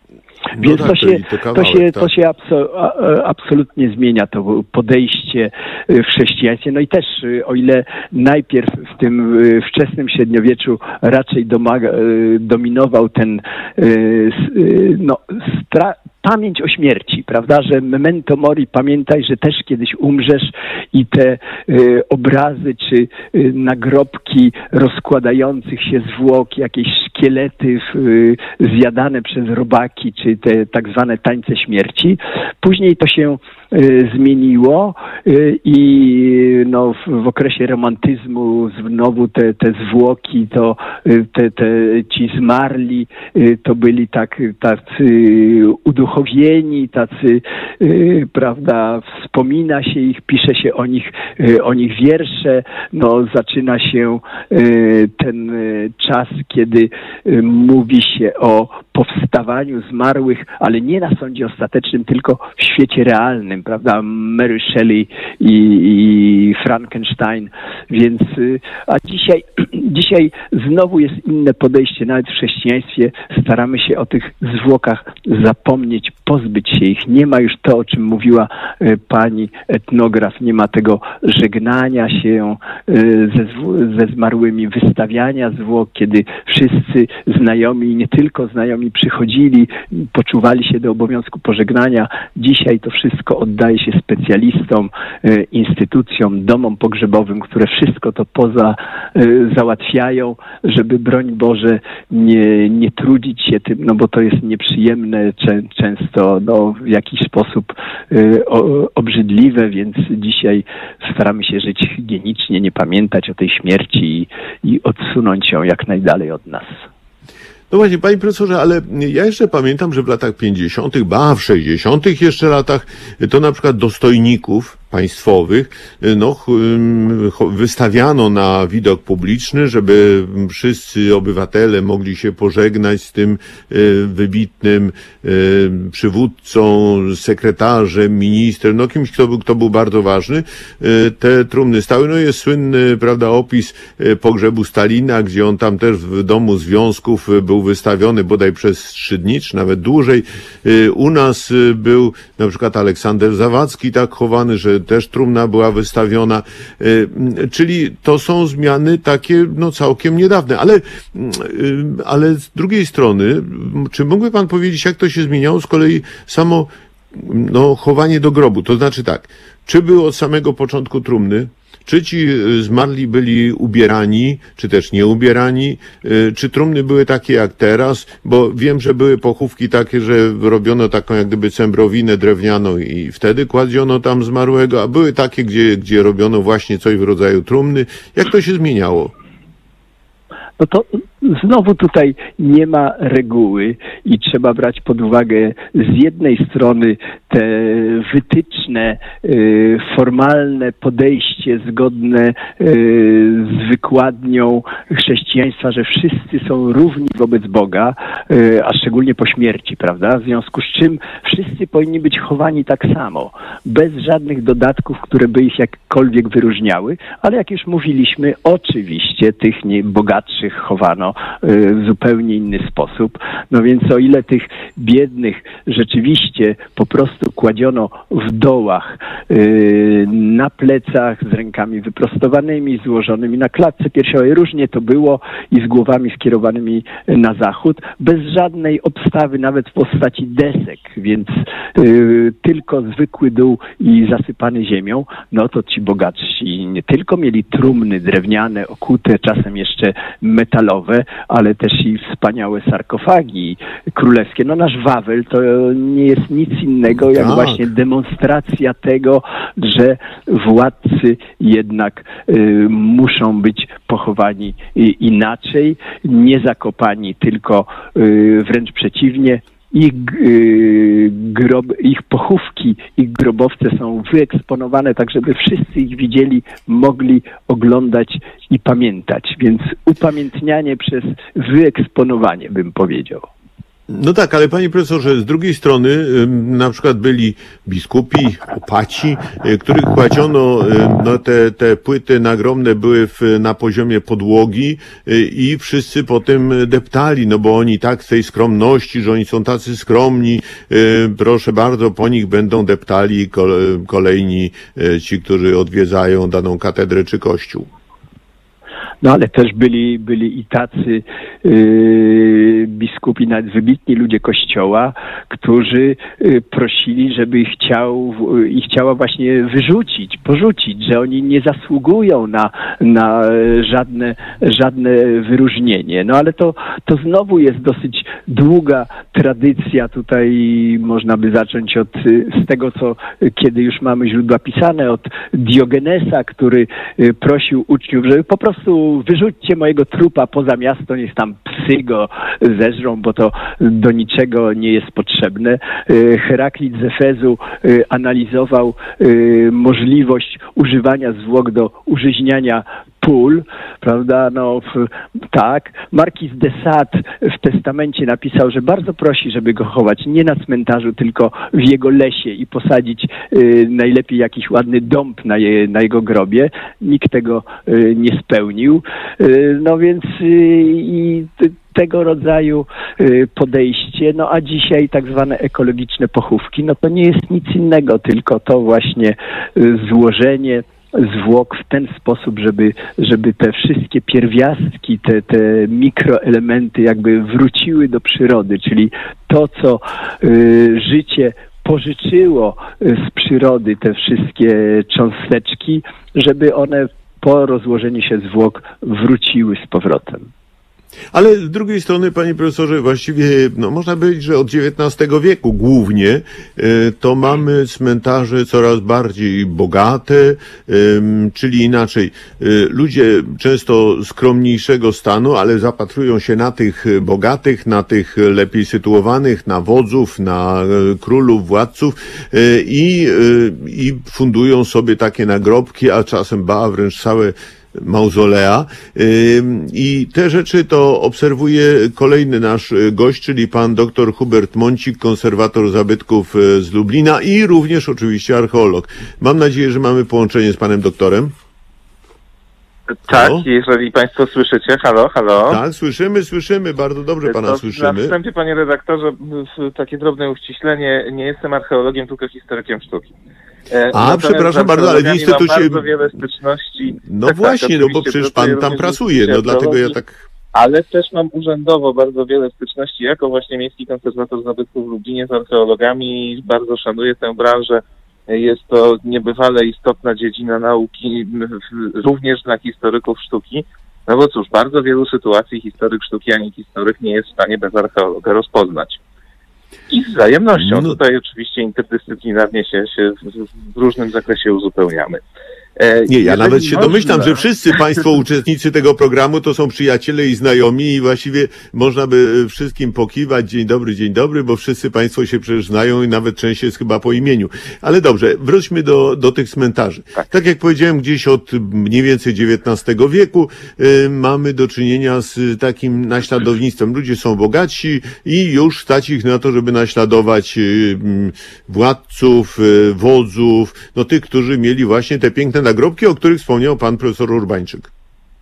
Nawet zaczyna się to dziać wcześniej, bo oczywiście w zależności Nawet. od statusu materialnego y, pochówki miały też y, różną formę. Y, samo miejsce lokalizacji pochówku w kościele bądź przy kościele było oczywiście wprost związane ze statusem danej osoby w społeczności, parafii bądź innej wspólnoty, bo na przykład mówimy tutaj też o osobach związanych z kościołami klasztornymi jako fundatorzy.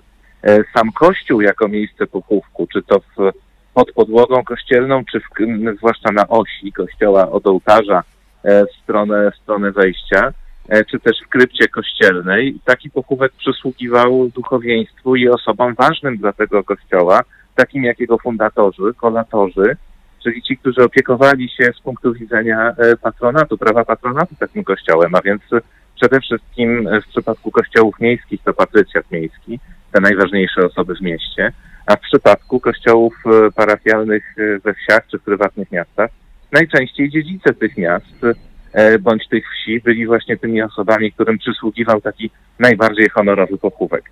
Z czasem upowszechniają się już pod koniec średniowiecza i na początku czasów nowożytnych kaplice grobowe i tutaj ten kontekst, o którym pan redaktor wspomniał, czyli naśladowania pochówków monarszych, on y, ma swoje bardzo wyraźne odzwierciedlenie nie tylko rzecz jasna na ziemiach dawnej Rzeczypospolitej Polskich, ale w ogóle w Europie.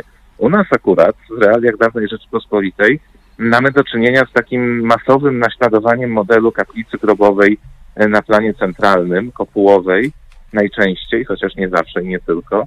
E, Przede wszystkim takim podstawowym wzorcem była kaplica Zygmuntowska na Wawelu, ufundowana przez Zygmunta Starego. Takich kaplic grobowych przy kościołach rozsianych po całej Polsce i również w dawnych ziemiach e, dawnej Rzeczypospolitej mamy po prostu setki w mniejszym lub większym stopniu zachowanych. Również z- ze znakomitymi nagrobkami wewnątrz, e, nagrobkami o różnych typach, o różnej wartości artystycznej, czasem bardzo wysokiej, czasem średniej. E, I tak czy inaczej te wzorce e, były oczywiście bardzo atrakcyjne dla różnych grup, e, dla różnych grup społecznych. Osoby mniej zasobne, no to to też sprawa dość oczywista, chowano właśnie wokół kościołów, ale i w takich przypadkach starano się w miarę możliwości naśladować e, ten sposób upamiętniania zwłaszcza, jakim były nagrobki czy epitafia, tablice epitafijne wieszane w ścianach kościelnych. Tutaj bardzo interesującym wątkiem są choćby czasem interpretowane nie do końca słusznie jako tak zwane graffiti, różnego rodzaju ryty, napisy rytowane na zewnętrznych ścianach kościołów, e, widać to na wielu kościołach w Polsce, które, jak się okazuje, jeżeli przebadamy je, e, tu akurat znam doskonale dobry przykład e, badany przez mojego dobrego przyjaciela, doktora Dominika Szulca z Instytutu Historii Polskiej Akademii Nauk, Kościół w Kraśniku posiada, dawny Kościół kanoników regularnych, takie właśnie ryty, które kiedyś były interpretowane jako graffiti, rysunki upamiętniające kogoś, kto odwiedzał być może to miejsce, a gdy y, właśnie historycy, w tym dr Schulz, przeanalizowali e, te ryty i powiązali je z zachowanymi księgami metrykalnymi, księgami zgonów e, z tegoż kościoła, okazało się, że te napisy mają wyraźny związek z osobami pochowanymi gdzieś na tym cmentarzu przykościelnym. A zatem były to takie zastępcze, drobne, uproszczone epitafia, właśnie naśladując te, te większe nagrobki dużo lepszej jakości artystycznej. No, E, Tutaj jest bardzo panie- wiele no interesujących dobrze, ale panie doktorze, przepraszam, jeżeli pan teraz pochówkami. Tak, tak. Ale słucham, jak pan oczywiście. patrzy teraz na te, na te cmentarze, e, no to cmentarz XIX-wieczny, oczywiście to są bogaci ludzie, więc on jest bogaty w rzeźby, w jakieś ozdoby, e, czasem kute balustrady, czasem jakieś łańcuchy, no są różne, różne rzeczy. Dziś te cmentarze są skromniejsze, ale za to wszyscy uważają, że no wręcz za swój obowiązek położenie jakiejś płyty kamiennej, szlifowanej, błyszczącej. Całe te cmentarze są, no można powiedzieć, że wy- wybrukowane, no wręcz płyta przy płycie. No właśnie, czego to jest znak? No to jest znak przede wszystkim tego, że tego rodzaju mm, rozwiązania się upowszechniły. Upowszechniły się przede wszystkim dzięki temu, że dziś są tańsze. To jest e, jedna podstawowa sprawa. Tańsze, bardziej dostępne dla powszechnego odbiorcy. Rzeczywiście, na cmentarzach XIX-wiecznych czy z początku jeszcze XX wieku raczej trudno e, zauważyć w ogóle murowany nagrobek z takiego okresu, który nie byłby nagrobkiem jakiejś osoby, no powiedzmy co najmniej z klasy średniej, miejskiej inteligencji, czy w przypadku cmentarzy wiejskiej pewnej lokalnej elity. No bo jednak były to obiekty wykonywane w pewnym sensie masowo, ale też indywidualnie w warsztatach gdzieś w najbliższym mieście większym, w takich miastach jak Warszawa, Kraków, Lwów, czy, czy nawet tych mniejszych wówczas, ale też e, większych niż małe miasteczka jak Lublin. Takich warsztatów było po kilkadziesiąt, kilkanaście, kilka. Natomiast e, raczej w mniejszych miejscowościach takie warsztaty nie funkcjonowały, więc taki kamienny nagrobek e, zrealizowany przez fachowego rzeźbiarza, nawet jeżeli była to produkcja dość masowa i rzemieślnicza, a nie sensu stricte artystyczna, chociaż oczywiście takie też się zdarzały. Mamy takich nagrobków całą masę. Oczywiście warszawskie Powązki, cmentarz Rakowicki w Krakowie, czy cmentarz przy ulicy Lipowej w Lublinie. To są takie właśnie przykłady znakomite, e, ale były to jednak e, w pewnym sensie obiekty luksusowe, rzadkie.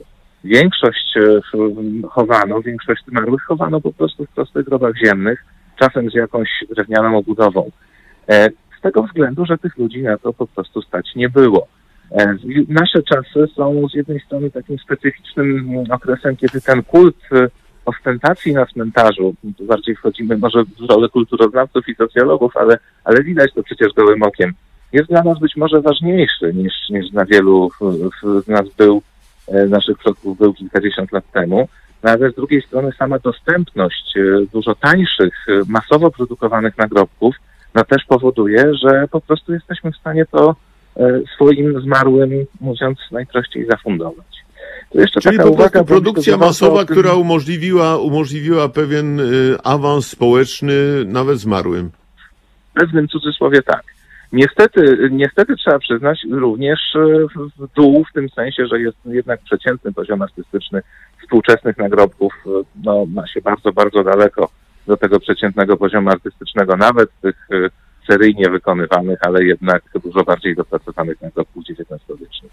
Tu można warto tu... dodać jeszcze, tak, tak, tak uzupełniając proszę. wypowiedź pana profesora Urbańczyka na temat y, cmentarzy pozamiejskich, że mamy na ziemiach polskich cmentarze starsze i to w, pewny sposób datowane źródłami pisanymi, E, niż cmentarz powązkowski. Przyznam szczerze, no. nie wiem jak e, odnosić je do przykładów francuskich, ale z pewnością starsze niż powązki są to między innymi e, cmentarz w Płocku, który został założony w 1780 roku i jeszcze starszy, przyznaję, nie wiem czy jest starszy tego typu pozamiejski oświeceniowy cmentarz na ziemiach polskich, w Opolu Lubelskim, w województwie lubelskim, gdzie miejscowi pijarzy w 1772 roku właśnie na cel cmentarza wykupili kilka morgów gruntu za miastem po to, żeby wynieść e, zwłoki, mówiąc krótko, z otoczenia kościoła w samym miasteczku, a jednocześnie z sąsiedztwa własnego kolegium i szkoły. Pijarzy byli to ludzie oczywiście w awangardzie ówczesnego, ówczesnej nauki i świadomości pod wieloma względami.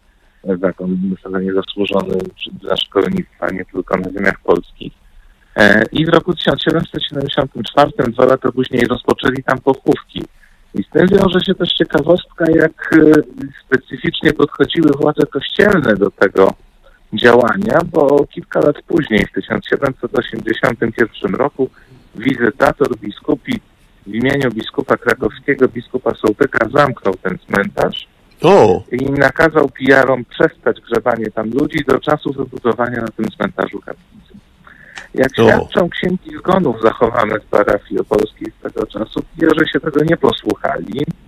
To znaczy kaplicę zbudowali, ale w dalszym ciągu chowali zmarłych na tym właśnie nowym cmentarzu. Tak. E, panie, panie doktorze, przepraszam najmocniej, ponieważ mamy zakłócenia jakieś. Tak, e, ja, ponieważ mamy jakieś zakłócenia, halo, halo. to ja w takim razie, tak, no właśnie jakieś są zakłócenia od pana, coś jest takie, takie trzeszczenie. Halo, halo.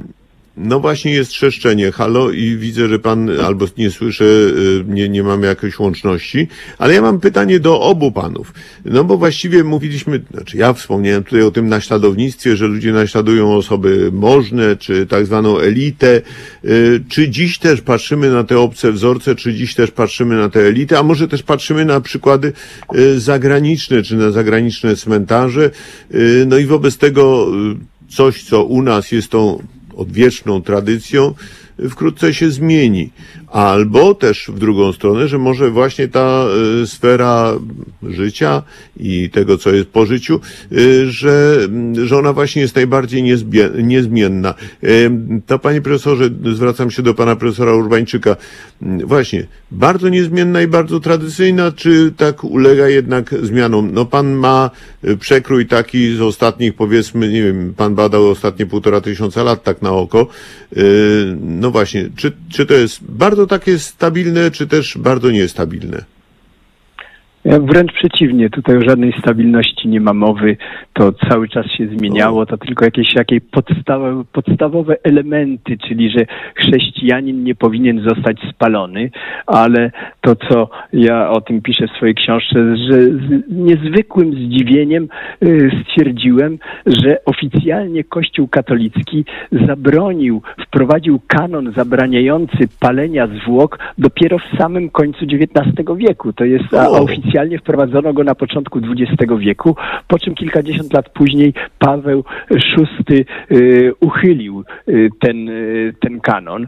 Więc to, to, to jest zupełnie, nie możemy mówić o jakichś bardzo regułach długotrwałych, no a dzisiaj to mamy całkowity chaos kulturowy, można powiedzieć, prawda? To już nie chodzi o naśladowanie tych lepszych, tych większych, tych bogatszych, czego dla mnie jako archeologa niezwykłym przykładem jest, kiedy y, w VIII wieku Karol Wielki w sposób niezwykle krwawy podbijał Sasów, tych upartych pogan, ale okazało się, że on ich wreszcie pobił na, na, na samym początku IX wieku, ale oni już od 30 lat, właściwie kiedy te krwawe wojny się zaczęły, oni zaczęli odchodzić od pogaństwa i składać swoich zmarłych w obrządku szkieletowym, dlatego, bo oni czuli, że, że tamta cywilizacja jest większa, silniejsza, bogatsza. Więc to, to zawsze tak było, te próby naśladowania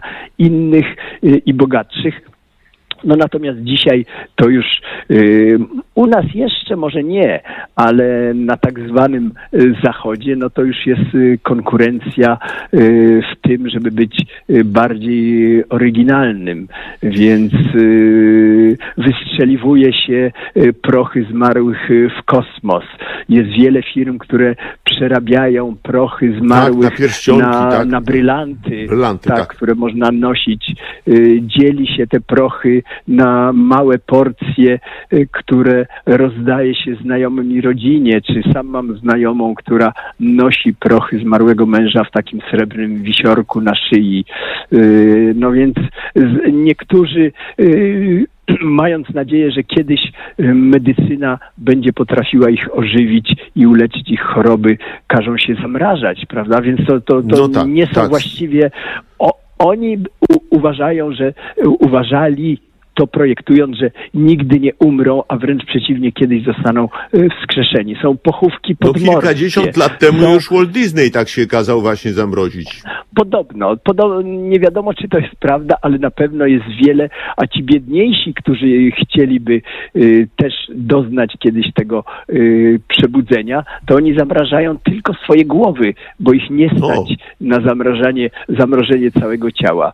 No więc tutaj mamy nie, niezwykłe pochówki pionowe. Są już firmy, które oferują, żeby oszczędzić miejsce, no to nie kładzie się trumny na płask, tylko w takiej rurze y, wstawia się, wstawia się pionowo. Y, pochówki y, w lasach, gdzie nie ma w ogóle grobów, tylko jakaś taka, taka łączka ładna, gdzie się każdy przychodzi, rozsypuje tego prochy swojego zmarłego i tylko jest takie miejsce, gdzie można składać kwiaty. Więc tutaj tu już nie ma żadnej tradycji, yy, ona ginie yy, i mamy totalny chaos eschatologiczny, jakbyśmy powiedzieli.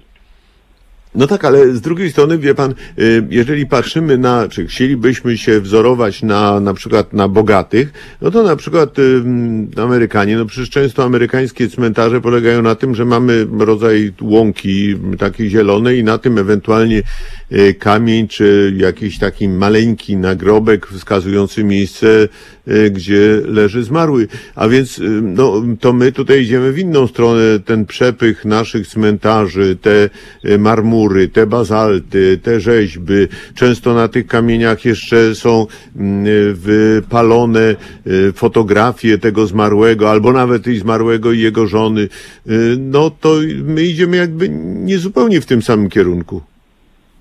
No ale bo my jak zwykle jesteśmy tak lekko zapóźnieni i pełni kompleksów, prawda? Że jesteśmy A. tak o krok, o krok za tymi bogatszymi, za tymi bardziej rozwiniętymi. To, od czego oni już odchodzą, to my do te, dopiero do tego dochodzimy. No i oczywiście ta kwestia, że nasze społeczeństwo dopiero teraz się wzbogaciło, że dopiero teraz stać nas na to. A wiadomo, że y, jednym ze sposobów pokazania, zamanifestowania swojego statusu, sukcesu życiowego i pozycji społecznej jest właśnie wyeksponowanie grobów moich przodków, pokazanie właśnie, że stać mnie na to, żeby ich upamiętnić.